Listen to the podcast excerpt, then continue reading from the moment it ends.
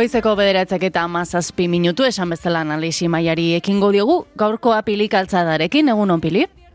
Kaixo egunon. Eta Iñaki Altunarekin egun on Iñaki Zuriare. Egun denei. Bueno, kontatzen ari gara goizian goizetik, urte bete betetzen duela gaur espetxean Pablo González kazetariak, laugarren aldiz luzatu diote espetxeldi preventiboa eta la urte betea aixe gaindituko du egoera honetan, maiatzaren hogeita lauean aztertuko baitute ostera ere bere egoera. Polonian atxilotu zuten orain urte bat, Ukrainako mugan, herrialdetik iesean erteten ziren Ukrainarren testigantzak biltzen ari zirenean oinatzaizburu. Bere abokatuak errekurtsoa jarriko dute espezialdi luzapen berri honen kontra, aurreko luzapenetan ere ala egin dute, baina ez dute emaitza onik jaso. 2008 bateko, otxailaren hogeita sortzia zen, Poloniako barne segurtasuneko agentziako agentea Pablo González ostatu hartua zegoen hotelean agertu eta atxilu hartu zutenean. Egun batzu berandoago presondegira bidali zuen epaileak errusiaren txat espioitzan aritzea leporatuta. Hiru hilabete aldiko e, bidari zuen espetxera modu preventiboan, baina ordutik lau aldiz luzatu diote egoera. González kazetari aditua da, espazio post-sovietarrean, hizkuntza eslabiarra ikasi zituen, Bartzelonako Unibertsitatean eta ikusentzunezko kazetaritza Bilbon. Moskun bertan jaiotakoa denez González, bere arbasoak ara exiliatu ziren gerra garaian, Pavel Alesheif Ruschov da bere jatorrezko izena, horixe bera erabilidu Poloniako auzitegiak espioitzaz akusatzeko garaien froga gisa eta hori da momentura arte bere kontra ezagutzen den froga bakarra. Hori salatu dute bere abokatuek urtebeteko tarte honetan fiskaltza ez dela gai izan bere kontra darabilten frogarik ezagutara ematean. Mugatzen da esatera Pabelek bere kazetari estatusa baliatu izan duela mundutik barrena bidaiatzeko eta zeinbat informazio delikaturako sarbide izateko. Hori Errusiaren mesedetan erabili izana egozten diotea. Amnesty Internationalek nabarmentzeko baita ere kezka saldu duela azken orduotan bere egoeragatik, salatu du Gonzalezen kasuan irregulartasunak agerikoak direla. Beno, ba, gurekin dugu Unai Kuebas, bera Pablo Gonzalezen laguna da, egun on Unai? Bai, egun on. Beno, urtea luze joango zitzaizuen ez da? Bai, ba, ez esan, azkenean, eh, pizka bat, eh, bera buruan izan da ia egunero, ba, bueno, azkenean eh, urte bat nahiko luzetxo egiten da bai. Zein berri duzue gaur gaurkoz Pabloren inguruan? Ba, prinsipioz ez, e, gauza handirik ez zuek e, aipatu duzuena orain, ameste internazionalek e, azaldu duen e, ba, prentza oar hori, eta bueno, guzti hori, eta pff, gauza gehiagirik ez egia esan. Orduan pizka bat zai gaude, urtea bete ondoren, e, e, zer gertatzen den, eta bueno, e, badakigu ere, azken aldian, e, Poloniatik eskatu diotela Espainiare gobernuari, ba berriro ere pabelen datu batzuen inguruko informazioa, eta, ba, bueno, ez dakigu ea horrek zerbaitera eramaten duen e, gatazka, edo, bueno, korapio guzti hau. Ikusi egin beharko da, zer moduz dago bera, zer dakizue? Ba, gu berarekin normalean, e, ba, bueno, e, gutunen bidez, e, komunikatu izan gara, eta, bueno, bera naiz eta gara, dagoen egoeran egonda, e, psikologikoki nik uste nahiko indartzua dela, eta, bueno, bera animoso agertzen da gutunetan, eta, bueno, eta eskertzen du azken zinean e, lagunen gutunak ere, ba, berari indarren ematen diote, ba, dagoen egoeran, ba, bueno, aurrera egiteko. Baina zer iruditzen zaizue zuei e, gertatzen ari den guzti hau e, Pablo bizitzen ari den egoera guzti hau? Ba, ez egia esan, e, hori, beldurrezko filma bat ematen du. Ez, e, berari e, leporatzen dioten espioitza firma horietako, ez da izir eta beldurrezkoa. Hasiera baten, ba, harrituta geratu ginen, gauza guztiarekin, eta ikusita nola joan den, eta aurrera jarraitu duen, eta gaur, gaur urte bete betetzen duen, ba, egia esan, ezke, ez, ez dakik zer pentsatu ere, ez, nahiko egoera surrealista, e, amez gaizto baten modukoa. Amets gaizto bat e, izugarria, e, bueno, elkartasuna hor ikusi dugu ez da, jasotzen e, ari den babesari dagokionean, e, nola ikusten duzu egoera?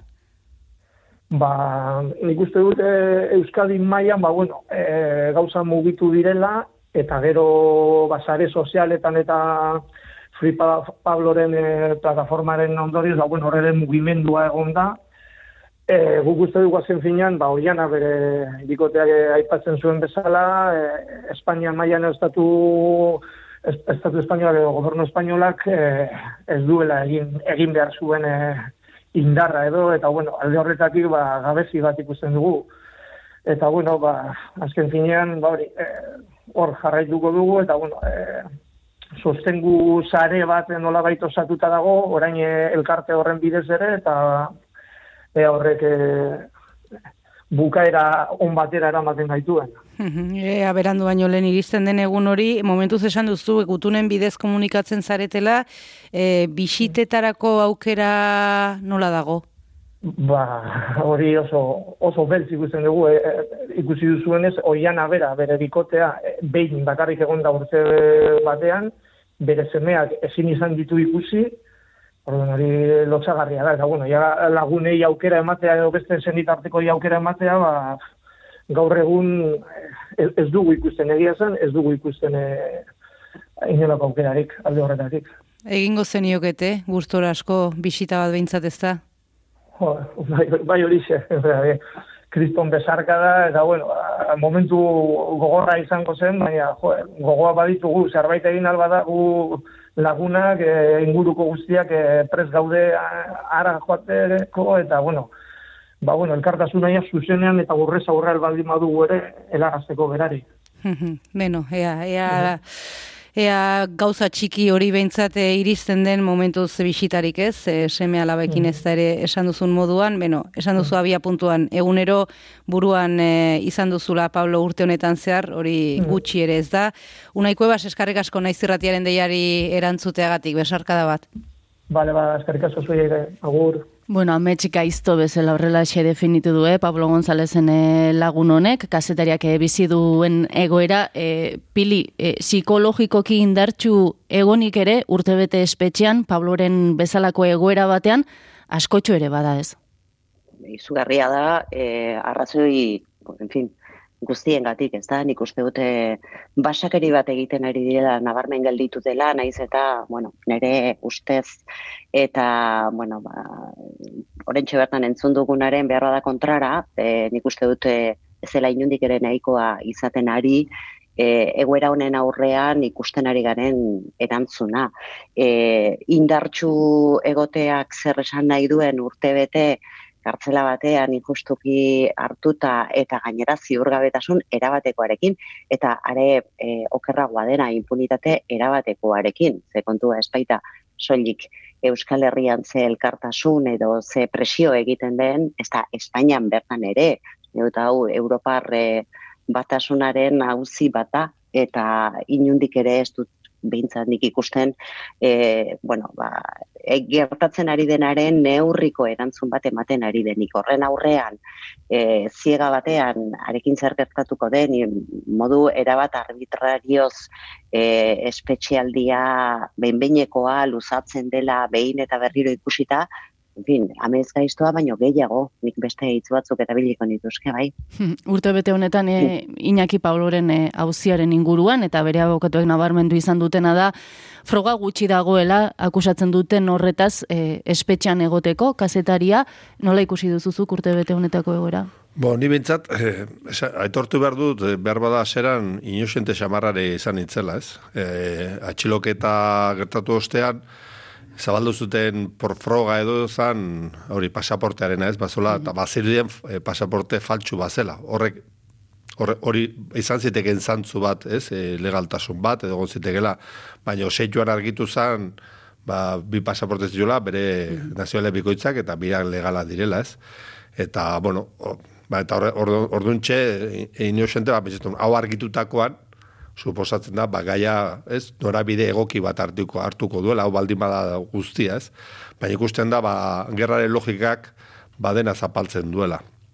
Normalean, bueno, estatuak e, bere azkeneko urtetan gauza asko bitarte, ba, bueno, e, giza eskubideen arloan eta segurtasun juridikoaren arloan, ba, murrizketa hundiak egon dira mundu osoan, ez? Baina are gehiago, alako gatazka armatu eta gerra baten erdian, ez? Eta horrek, logika horrek, ba, eraman du, azken batean, ba, giza eskubidei, Pabloren kasuan, ba, bere e, eskubide asko ba urratu izatea, ez bere giza eskubidea, defentsa eskubidea, zesanik ez bere e, lanari lotutako prentsa eskubidea eta bar, ez. Eta bueno, hori da, ez, e, hori da nik uste irakurketa azken batan hori da la gerra logika horrek dena zapuzten duela, gerra logikaen arabera edo nerekin zaude, nero kontra zaude, biztan da ba Pablok betetzen zuela, ba, ez, e, kazetari zamaian ez dutela, ez dutela gogoko izango, nez eta, bueno, bere, neuse, bere lana ezagututa ezin daiteke ez da gutxa horik ez, ez, esan inorrekin lerrokatuta zegoenik, eta azken batean, ba, bueno, hori ordaintzen nahi da, ez? Eta gero, ba, juridikoki, ezagutzen da goza bakarra da, hori da, ba, hori ez, zeur gabetasuna ipatu du pilik, eta hoxe da, ez azken batean, ba, dagoen, e, hori ez, fiskaltzak ez dula orain arte zer tajuzkorik aurkeztu, eta hala ere, ba, luzapenak eta luzapenak, ez? Horren aurrean, ba, elkartasunen gaia dago, eta baita ere ardura den, hori ez, Espainiko gobernuak, behar bada beharko luke azken batean, ba, esan, esan bezala, e, bi pasaportetoko bat espainola da, ez? Eta horrek gobernuari eskatu beharko liok, ez? Eta egia da hemen Euskal Herrian behintzat, badagola gai honekiko nahiko adostasun, ez? Nik aipa, aipa, aipagarria erutzi zait, ez? Ba, e, berega, buendala jabete gutxi, ba, prentxako, ez, egunkari guztietako, ia guztietako zuzendariak e, gutun bateratua, ez da inoiz pasa Euskal Herrian lakori. Hau da, garako zuzenderitik hasi, eta elkorreoko zuzendari arte, denak ikustea gutxieneko batzun inguruan, hau da, bere ziurgabetasun hori ekidin, impunitat, aipatuan impunitate horrekin aimaitu, eta bere eskubideak, defentsa eskubideak, eta gainerakoak errespetarazteko, ba, gutxieneko hori badago Euskal Herrian, suposten da, horiek, ere gobernu, Espainiako gobernua bere lan diplomatikoak egindarrean jarri beharko lukela. Eta hori ez da gertatzen ari, ez? Esan bezala, beste logika bat oso, oso potentea, oso indartsua eta oso e, bidegabea in, e, martxan dagoelako eta da gerraren logika. e, Sakan dugu, dugu gero xago horretan, baina agurtu nahi dugu telefonoz bestalde dugulako amaia goiko etxea berak azetarien elkargoko dekanoa da, egunon maia, amaia? Opa, egunon. Bueno, orain, orain urte bete, ez dakite imaginatzen ote zenuten e, Pablo Gonzalezen egoera oraindik ere gaur egun den hau izango zela, alegia espetxean jarraituko zuela? Mm, bai, espetxean jarraitzen du eta lotxagarria da, gure ustez onartezina, onartezina da ez dakigu zergatik, baina e, bizudienez azken, azken oza, Poloniatik eskatu diote Espainiako gobernuari e, ziurtatzeko ia espainol, oza, hemengo, oza, Espainiakoa dain, ala ez, Pablo. Oza, urte bete pasa, hori galdetzeko lotxagarria da, eta kezkagarria. E, gure, gure ustez e, oso kezkagarria da kasetaritzaren txako e, ba horrela egotea, pertsona bat kasetari bat e, kartxelan izatea, ba frogari gabe. Hasieratik guk e, eskatu genuena zen hori frogaz mai gainean jarri, eta gero utzi justizia gauzak egiten. Baina orain, orain arte erantzunik barik, osea, ez daukagu inolako e, probarik. Eta hori, mm, bueno, lotxagarria, besterik ez da. Zer erakusten du atxiloaldi honek, zer erakusten du batez ere ofizioan ari diren gainerako kazetarientzat? Ba, gure egoera haula, haula, haula, oso haula dela, eta mm, ez da, ez da batere berri honik e, kasetarien txat. E, horrela guk gure lana egiteko askatasun osoz egin behar dugu gure lana, eta askatasunari barik gure lana txarra izan, izan daiteke, eta ez da demokrazia, eta ez da benetako kasetaritza. Eta behar duguna da, ba hori, kasetaritza kontrastatua, e, iturri desberdineko kasetaritza, eta hori egiten baldin baduzu, ba susmagarria izaten zara eta hori ezinezkoa da. Osea, horrela egitea eta gure ustez eta hori da niri gehien eh, kezkatzen kezkatzen zaidana da ez dago orain arte urte hor, eh, hauetan horretan ez da ez da izaten eh, erantzunik garbia eta sendoa eh? ez gobernuaren aldetik ez da beste arlotan ere. Osea, pizkanaka, pizkanaka zerbait esaten ari da, baina ez da nahikoa. Ez da nahikoa ba, gauzak konpontzeko eta kasetaritzaren alde lana egiteko. Behar dugun kasetaritzaren alde lana betetzeko. bueno, biztan da kasetariak egoera zaurgarrian daudela ez, naziarteko konfliktoak e, kubritzen dituztenean, ez bakarrik gerra egoera bat kubritzen ari direlako, baita ere, ba, Pabloren egoera berdinan ere ikus daitezkelako zentzurretan, eta e, diozun azken honi helduta nahiko zenukete, ba, gehiago erakunden edo agintarien aldetik, zuen jarduna aurrera eramateko? Claro, o sea, bai, bai, bai, horrela izan behar da, o sea, bai.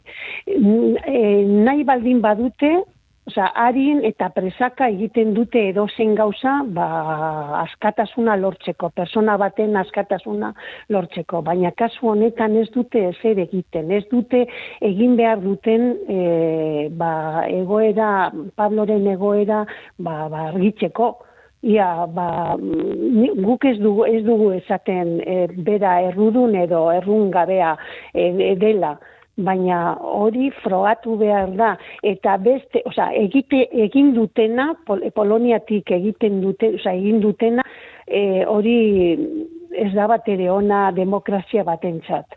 Polonia ba, jakin badakigu ez dela e, herrialde demokratiko bat, baina eta claro, kontestu honetan, guda honetan, ba Pablo González biktima besterik ez da.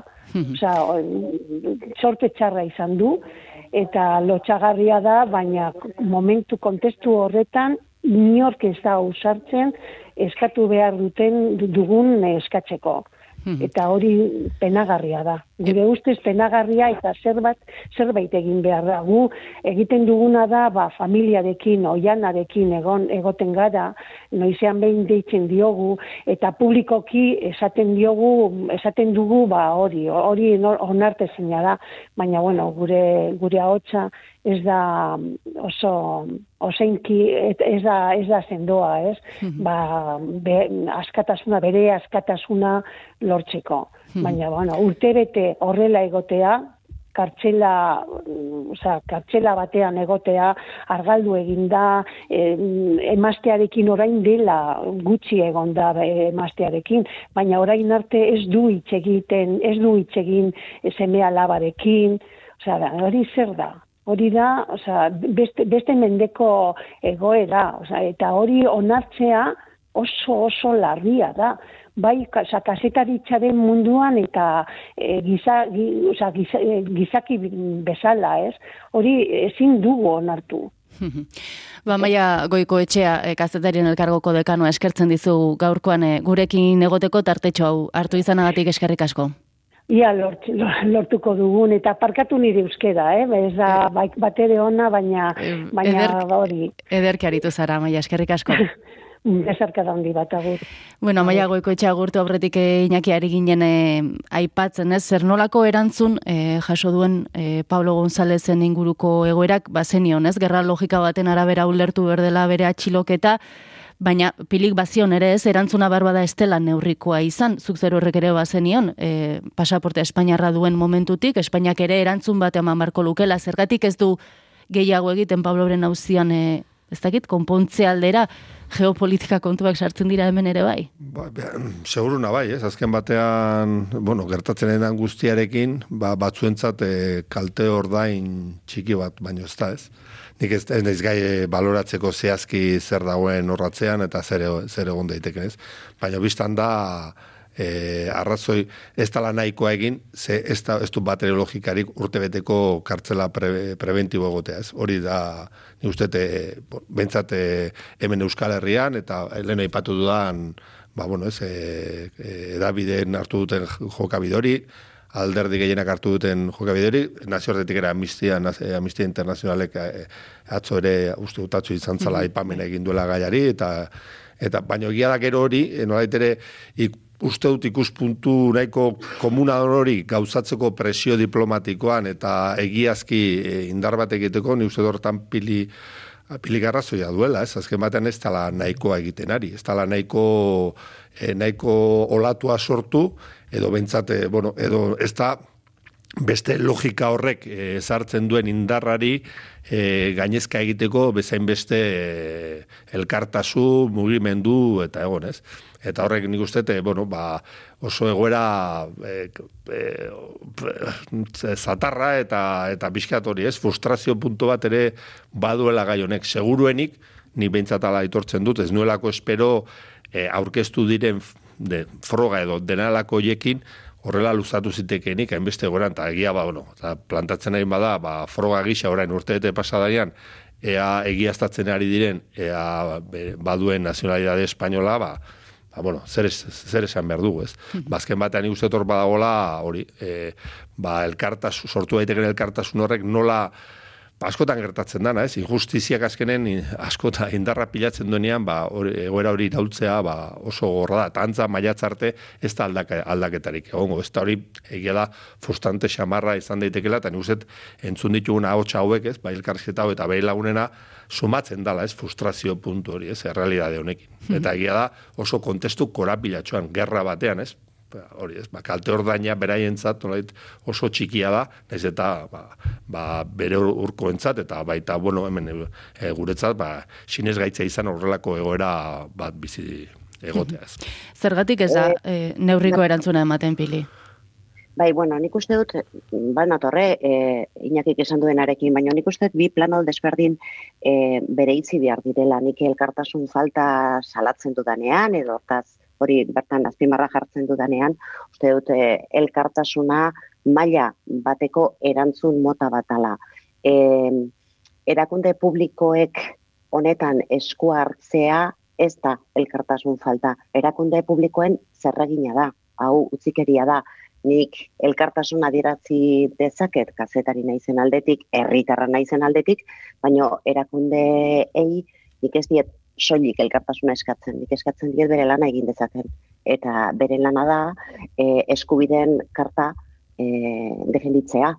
E, hau, zen nahi dute, egoera korapilatxua izanik ere, e, beren eginkizunen artean sartzen da, era honetako basakeri baten aurrean, pertsona horien, bere eskubideak urratuta ikusten ari diren, pertsona horien defentsa egitea e, e, elkartasunetik arago doa, elkartasuna guri dagokio, erakunde publikoei dagokiena da bere lan egitea. Eta nik uste dut, bi e, maila horiek e, erabat bereizi egin behar ditugula, ze bestela ematen du denok ari garela nola bait, e, bueno, ba, elkartasun faltatik edo gaiak e, garrantzirik eukiko espalu bezala.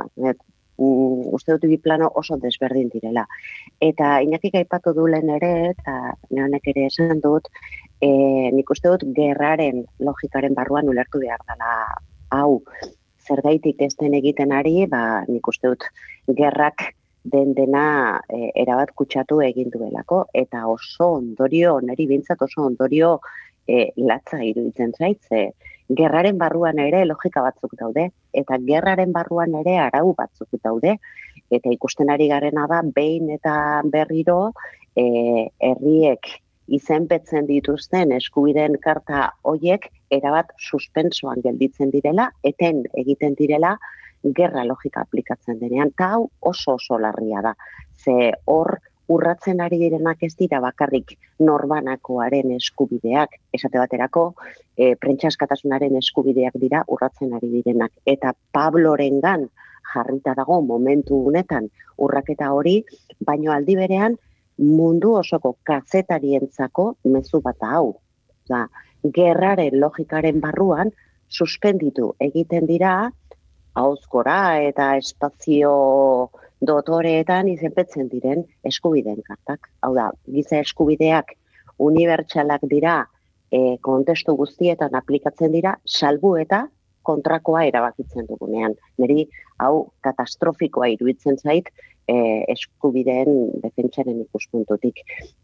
Amnistia mm internazionalek e, atzo, okerrezpanago, e, gutuna jarri du e, argibideak eskatuz erantzunik ez eta ez da zer gertatzen.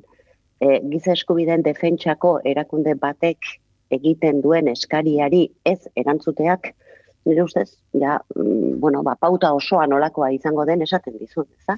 e, gerraren aitzakiarekin, salbu espendezko neurriak modu arbitrario batez hartzea onartu egiten da. Ez bakarrik egin, mm, Poloniaren kasuan, onartu e, e, Europar batasunaren, Espainiaren eta gainerakoen e, aldetik. Nik uste dut hori dela argazkia eta nahi nuke benetan, eh?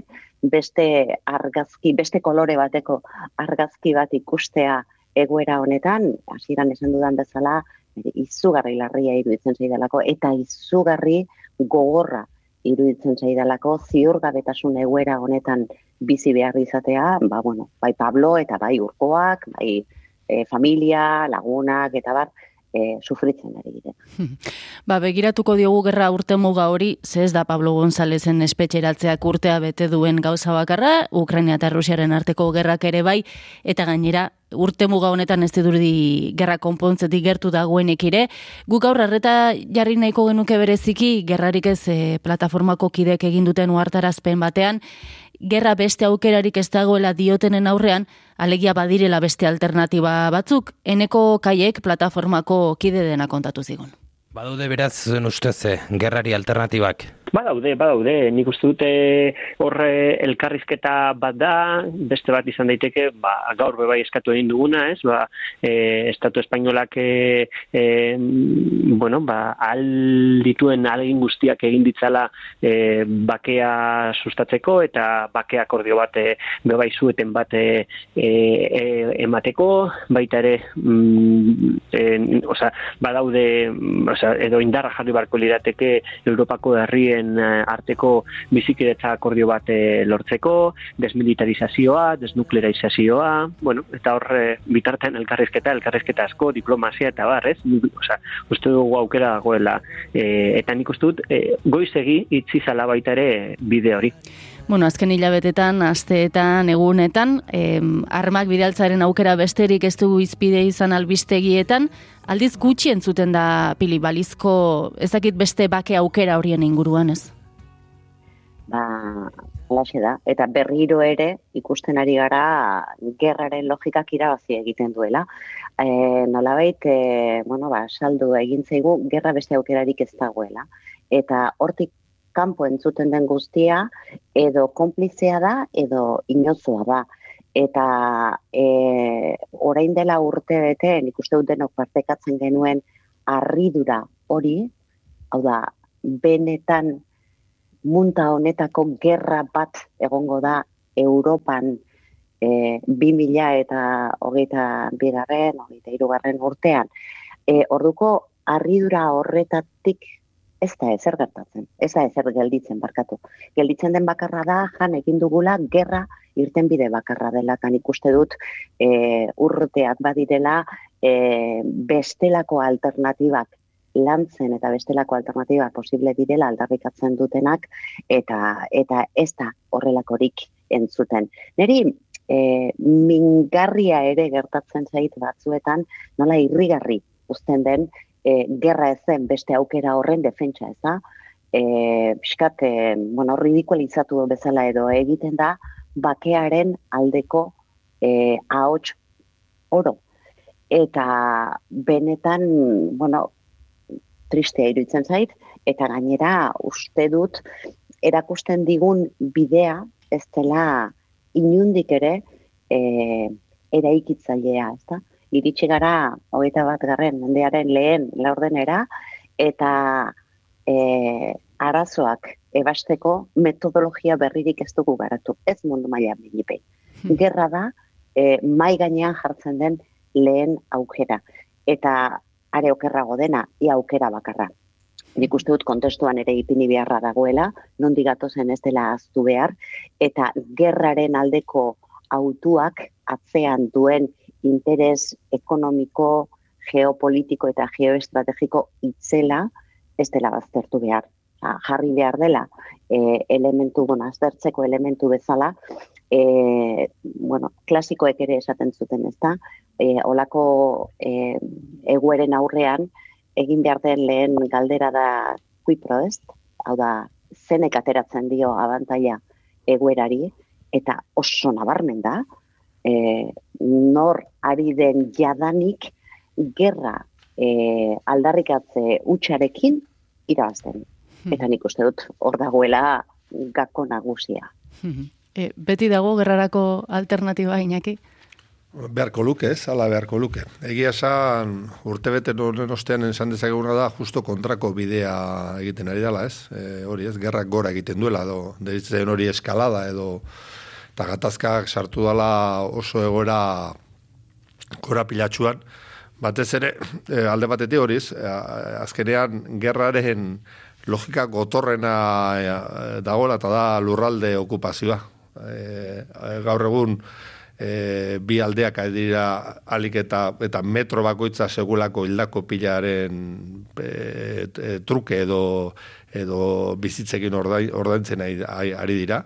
Eta azken batean, bueno, suposatzen da horrek ere, noiz beita atera bat egongo bada, ba, bakoitzen duela alik eta lurralde gehiena okupatu izana, edo bintzat indar posizio bat erakutsi ez. Ateraldi bate, balego ez, edo etorkizuna negoziazio bidez edo lakoa.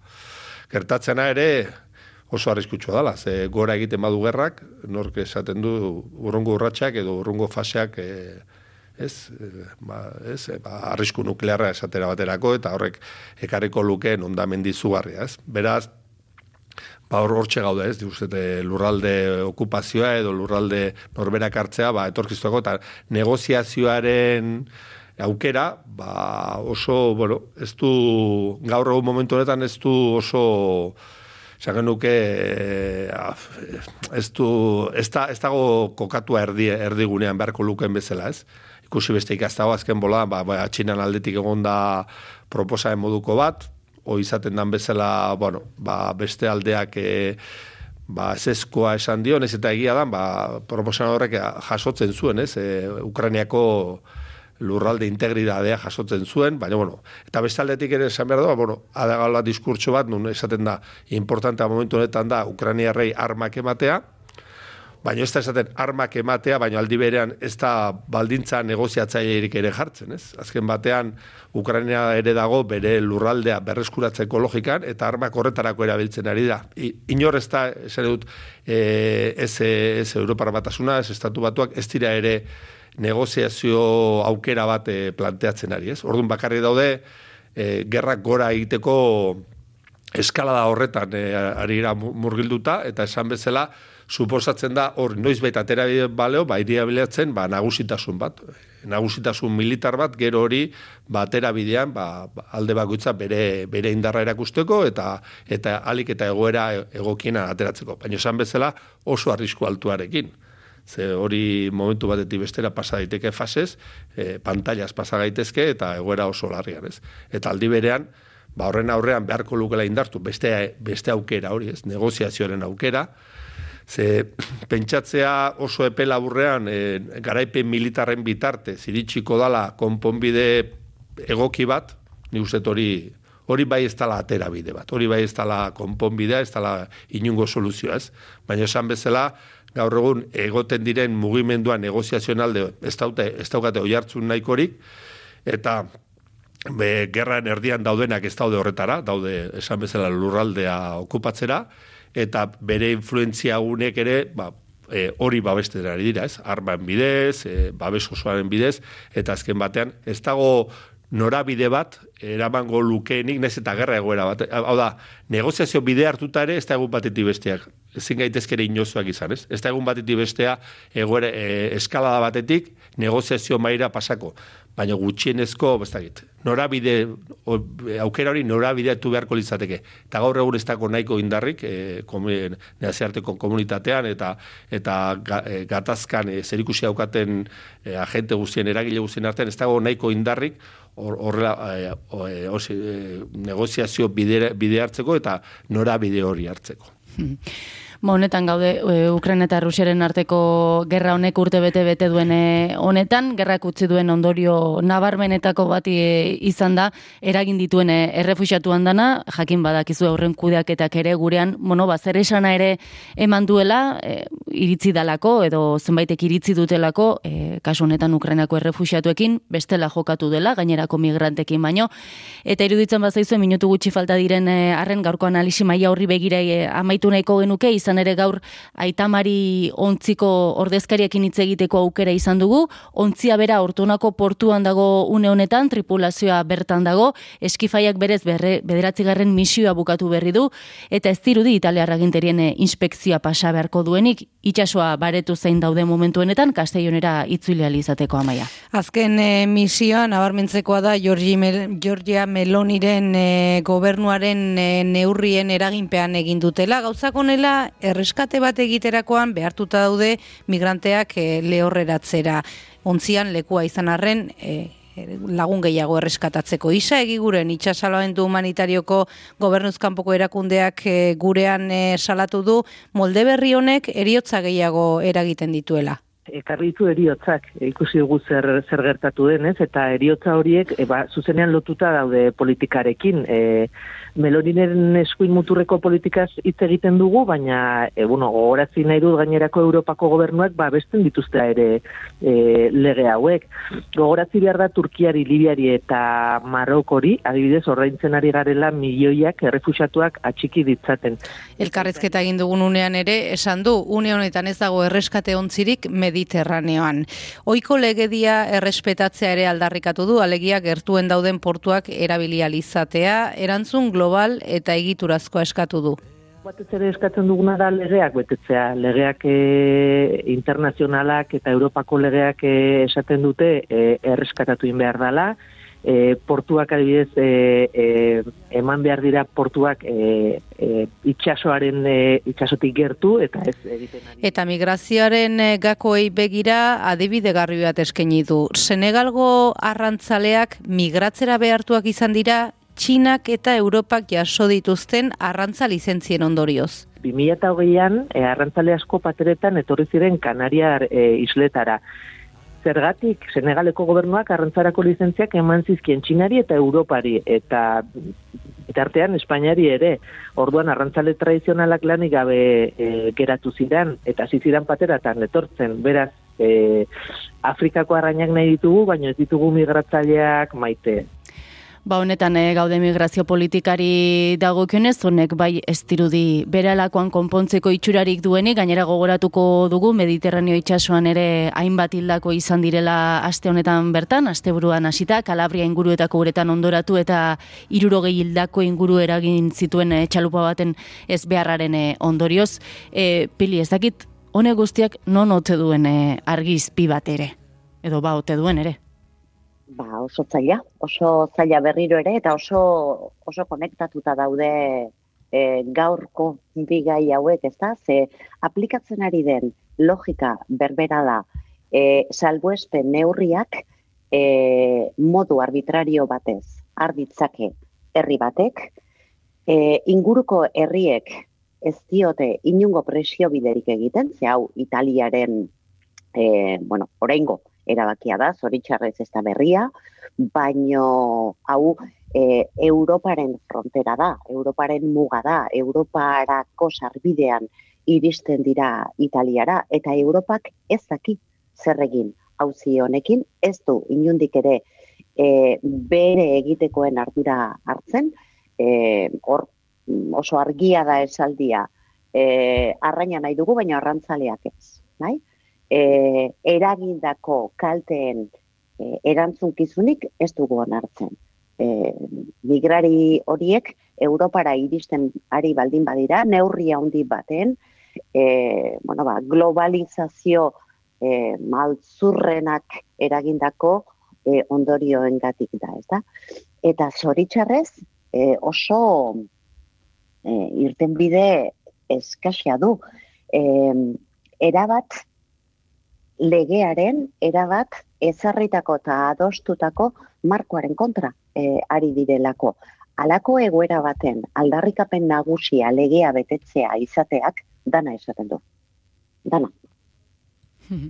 Iñaki zurekin borobilduko dugu, gaurko analisi maia. Bueno, nik uste nahiko borobila izan dela, hori ez, eta mariren, hori, elkar, egitako elkarrizketan, gaina ipatu ditu urrenkeran, ez, e, nun dauden arazo guztiak, ez, aseratik, e, azken batean hori ez, e, ari gara edo ari dira, estatu, e, bueno, e, herrialde aberatxek ari dira herri, beste herrialde batzuen ba, baliabide, natura baliabideak guztiatzen, eta horrek sortzen du egoera, ba, aipatu du, ez, arrantzalena, ez, lehenengo zora, ba, gero, aipatu du ere bai, e, Europar batasuna ari dela dirutza pagatzen, ba, ez, hainbat herrialderi, nolabait egoerari konponbide bat edo emateko, baina azken batean asko jota ez dakit poliziarena egiteko edo zeutetan, ez? Ba, Turkiari edo Libiari ordaintzen nahi zaion dirutza hori ezer, zertarako.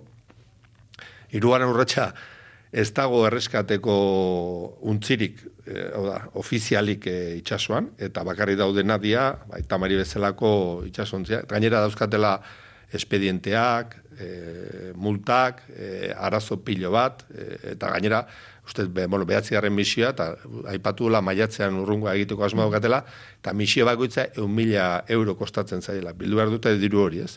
Eta azkenik, Europara eritxita, ba horiz, Italiaren egoera legiaren gogortzea, e, e, alako politika hori ez, e, eta gaina hori, gainera gerraren, gerrarekin pentsaziteken, bon, pentsaziteken asko pentsatzen ez, ba, Ukrainian gertatutakoak, ez, ba, beste sensili bat ekarri beharko lukela, e, ez, errefusiatuen gaiarekin. Eta uste nik uste kontrako izan dela, ez. Hainbeste gaindit, gailendu da gerraren errealidade hori, ba, pixka guen mediterrenoko urteetako drama hori, ba, pixka bigarren mailan gelditzen ari dela berriro ere, ez. Ordu nik uste, hor daudela elementu guztiak, iturburutik hasi eta honean iritsi bitartean, ze utzikeri puntu dagoen, eta ze, e, hori ez, ze, e, politika biozgabea dagoen gaur egun e, refusiatuen gaiarekin eta ba, azkenek urtetan eta datozen urtetan gai, bueno, zesanik ez, ba, aldaketa klimatikoa dela eta bar, egongo diren e, mugimendu guztioekin, ez? Eta hori baldin bada leku bagoitzen ematen zaiona, ez? Alde batetik bere bailea dela apurtu, beste alde batetik e, be, alako jendarme batzu jarri, el, e, ez, nazioarteko legaren kontra, ba, e, hori ez, e, jendea arreskatatzea e, galeraziz, edo bintzat e, gauzak oso, oso zaila jarriz, eta azkenik, Europa, gero eta jokabide, ba, ez, ertxiagoa, ba, italian kasua, baina ez, ez italian kasua da, ba, ultra eskuindarra gobernore itxi dira, baina esan ez tala bakarrik italianen arazo bat e, pilika ipatu duen bezala, ez azken batean politika orokor bat ez dago, eta azkenean babesten da politika gotorrenak eta ertxienak ez. Hmm. Ba, osnarketa horiekin e, izten dugu gorko no, analisi maia, Iñaki Altuna, pilik altza da eskerrik asko biek gurekin egotegatik. Zuei. Eskerrik asko zuei, egun hona izan.